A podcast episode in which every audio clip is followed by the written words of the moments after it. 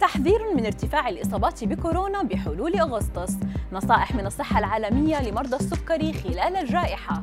لا تتناول البطيخ إذا كنت تعاني من هذه الأمراض. أبرز أخبار الساعات الأربع والعشرين الماضية في دقيقتين على العربية بودكاست. يتوقع المركز الأوروبي للوقاية من الأمراض ومكافحتها ارتفاعا كبيرا في عدد الإصابات الجديدة بالفيروس كورونا في الأسابيع المقبلة. ليبلغ بحلول الأول من أغسطس نحو خمسة أضعاف العدد الذي سجل الأسبوع الماضي. ويتوقع المركز في تقديراته منظمة الاتحاد الأوروبي والنرويج وأيسلندا تسجيل أكثر من 420 إصابة جديدة لكل 100 ألف نسمة من السكان للأسبوع الذي ينتهي في الأول من أغسطس مقابل أقل من 90 الأسبوع الماضي. بدأت الحكومة رفع معظم قيود كورونا في إنجلترا اعتبارا من الغد قائلة أن حملة التطعيم السريعة ضد المرض أدت إلى حد كبير لتراجع الإصابات الشديدة والوفيات.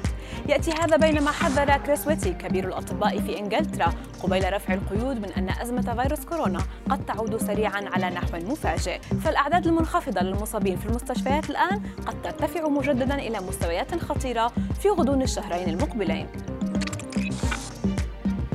تظهر بيانات وإحصائيات من منظمة الصحة العالمية أن مرضى السكري من النوع الأول أكثر عرضة لخطر الإصابات بحالات شديدة من مرض كوفيد-19 إذ قدمت المنظمة مجموعة نصائح لمرضى السكري خلال الجائحة إذ يجب عليهم تناول الأدوية بانتظام ودقة والحرص على البقاء بعيدا مع ضرورة حصول مرضى السكري على اللقاح كمجموعة ذات أولوية للتطعيم. رغم فوائده العديدة إلا أن هناك أشخاصا لا ينبغي عليهم تناول البطيخ أبدا لأنهم يعانون من أمراض ومشكلات صحية معينة. فقد أعلن كبير أطباء مستشفى كانديف بموسكو أن هناك أمراضا تمنع تناول البطيخ الأحمر أو تسمح بتناولهم كميات محدودة جدا. فكل من يعاني من الإسهال وحصى الكلى وتصلب الشرايين ومرض البروتوستات الحميد عليهم تناول كمية محددة جدا من البطيخ الأحمر.